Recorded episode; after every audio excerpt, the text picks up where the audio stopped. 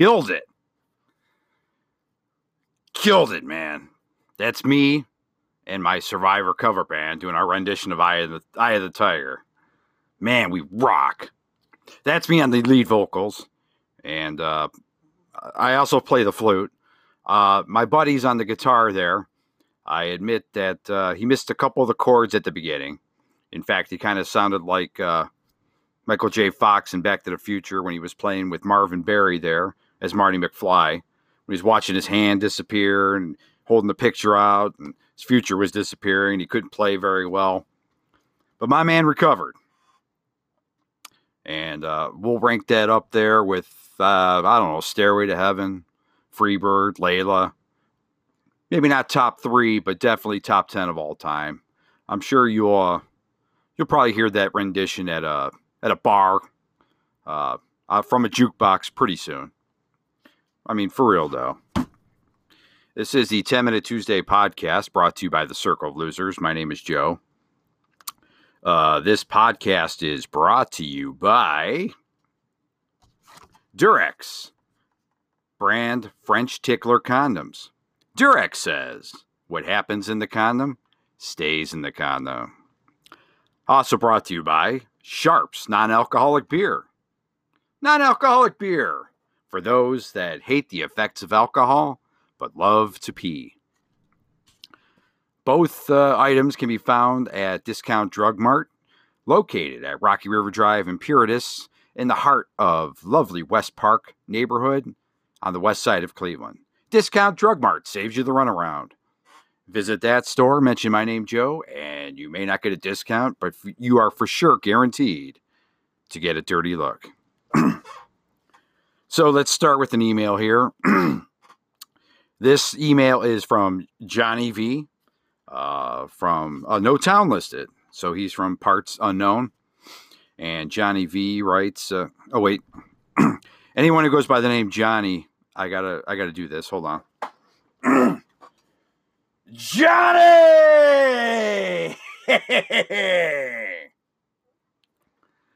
yeah, I think I took a month off of my life on that one.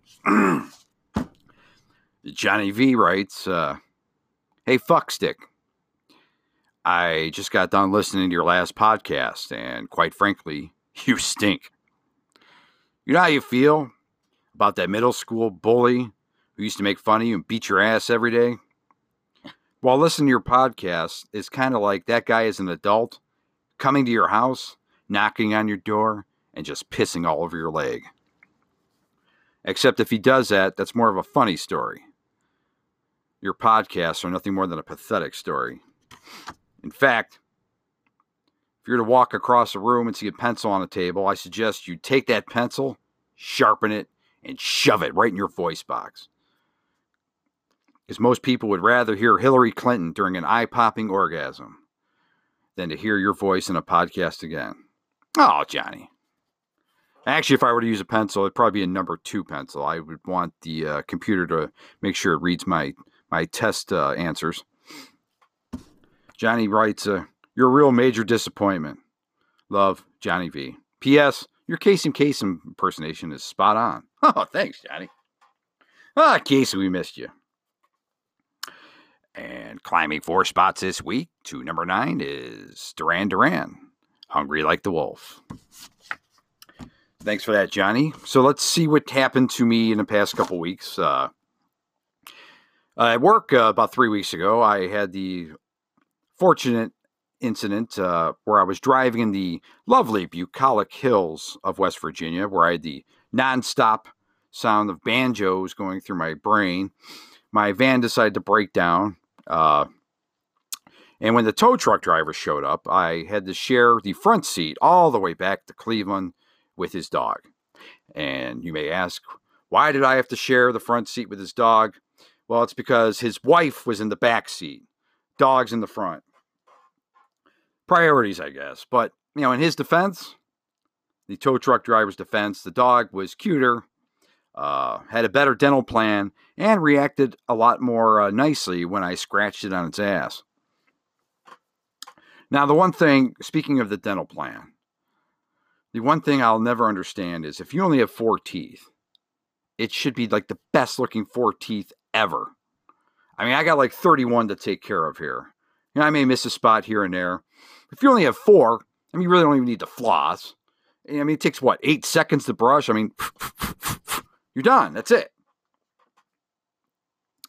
I mean, admittedly, I probably see my dentist about as often as I see my OBGYN. But, you know, my at least my mouth doesn't look like, you know, a bad split I left in bowling. So after that two and a half hour ride home with the dog, there was good news. I was going to Vegas the next day. um, before I start on that, let me take a sip of my ice cold beverage. Right now would be a good time for you to do the same.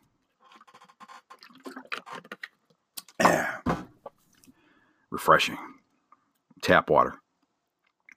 So, of course, the first question my anyone asks me after I get home from Vegas is, "Did you get a hooker?" No, I didn't get a hooker.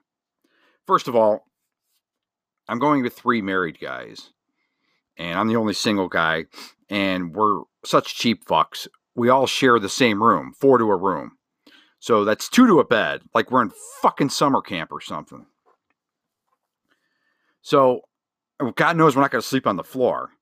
Uh, I don't want to take a black light to that carpet in Vegas, but you know, for one, I'm not to I'm not to have my face stick to whatever substance is on that carpet or have whatever creatures in there, you know, burrow in the side of my cheek. So, you know, there's four of us and we're sloppy pigs when it comes to a hotel room. I mean, we, we get drunk all day, we come home or come come back to the hotel room. Usually we got like Subway or some other kind of food. Usually ends up all over the floor. You know, there's like shredded lettuce all over. There's a piece of a tomato here. There's mayonnaise over here. Well, at least I think it's mayonnaise. I hope it is. I mean, I, you know, dipped my cucumbers in it. Uh, and not only that, but our room constantly, since it's four men, it constantly smells like farts. In fact, my one buddy farts so much, especially when he's sleeping. And I wake up in the middle of the night, take a piss, come back, try to get back to sleep. He farts so much in his sleep. I swear to God, he needs like a CPAP mask for his asshole. I mean, the guy, like, I understand why he wipes his ass with Preparation H now. It's not because he has hemorrhoids. It's because the guy farts like a fucking machine gun. Not only that, but he has the skill. I swear he can fart on command. I try to fart on command. I either blow out my ears and pop them, or I end up shitting myself. So, no hooker for those reasons. Uh, the fun part came on the flight home. We decided on the Monday night to take the red eye home. The theory, the plan would be to get wasted all day Monday, get on a plane Monday night, fall asleep, wake up Tuesday morning, you're in Cleveland. Great plan. Well, I fucked that up. All day Sunday, I got too wasted to the point where Monday I was so hungover, especially after three days in Vegas, I didn't want to drink at all, or very I didn't want to. It's not that I didn't want to drink. It's like I couldn't drink. I was like teetering on that, like you know, verge of vomiting all day. So I really only had I I forced down four, five, six beers or whatever, just enough to kind of get rid of the hangover, make me feel better, but not enough to make me pass out on a plane. So we get on the plane and it's one of those cheap, like I said, we are cheap fucks, so it's one of those cheap ass airlines. And I won't mention them by name, but it either rhymes with Schmerit or Spontier. And it's one of those planes that, you know, the t- the ticket itself is like 125 bucks. You know, but they'll charge you like 150 bucks a bag. They charge you 50 bucks to pick your own seat. So we picked our own seat, and of course, I always take the aisle because I have the bladder of an 80 year old woman. I constantly get up and piss and we're in a row that's got like three seats. My buddy's on the end by the window, just passed out. The guy in the middle is taking up way too much room. And it's not that he's fat, it's just he's got his legs spread like he's having a goddamn pap smear done to him. All that's missing is the stirrups at the bottom of the seat. I wanted to look down at this guy's crotch and say, Good news, sir. You know, you don't have endometriosis this time. man spreading. I guess that's what you call it. So if I want to sleep, I have to kind of like rest my arm on the armrest that's hanging in the aisle. And I thought that'd be a good idea. You know, it's a red eye. Everyone's going to sleep. No one's going to be walking up and down the aisle. But no, that doesn't happen. Uh, excuse me. Everyone has the same idea. Everyone's full of beer and they're constantly walking up and down the aisle. And the aisle is, is about as narrow as a, a slot you slide your credit card through. And of course, everyone on the flight has an ass like a Kardashian. So it's nonstop ass is just bumping either in my face or the armrest, and it's constantly waking me up.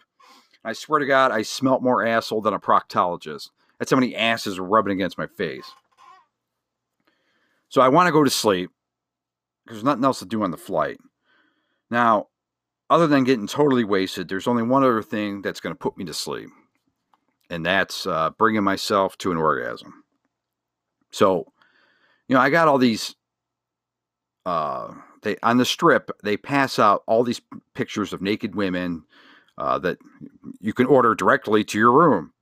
So I bring about twenty of these things home. They're like little cards.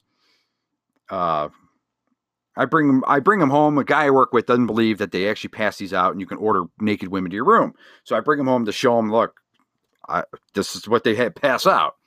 So I got them in my back pocket. And I kind of look around. You know, seems to be a lull in the in the line to the bathroom. I said, all right, I'm gonna get up. I'm gonna go because you know bringing myself to an orgasm is gonna knock me out. I'll let you in on that secret. If me and you ever get into a fight, you want to destroy my confidence, stick a finger in my asshole. You want to knock me out? Just bring me to orgasm. I'll go to sleep right on the mat. So I get in the get in that little bathroom, set up the cards all around, you know. So I got naked women, brunettes, blondes, all surrounding me, and I start going at it. Two minutes in, all of a sudden, my dumb Pollock ass, I forget to lock the fucking door because I'm so excited that I'm not even thinking right. The blood's not in my brain, it's in somewhere else old lady opens the door and her eyes are like the, you know, give a hoot, don't pollute owl. They're so fucking wide. Just makes this sound. Ah, jeez. Ah, fuck. So now fun time's over. I can't like do anything. So now I'm afraid I'm gonna get like arrested, thrown in prison, something like that. Uh, so I, I gather up the cards, I get back to my seat and kind of just slowly slink in. Now the problem with that is she her seat was like right across the aisle and like one seat back.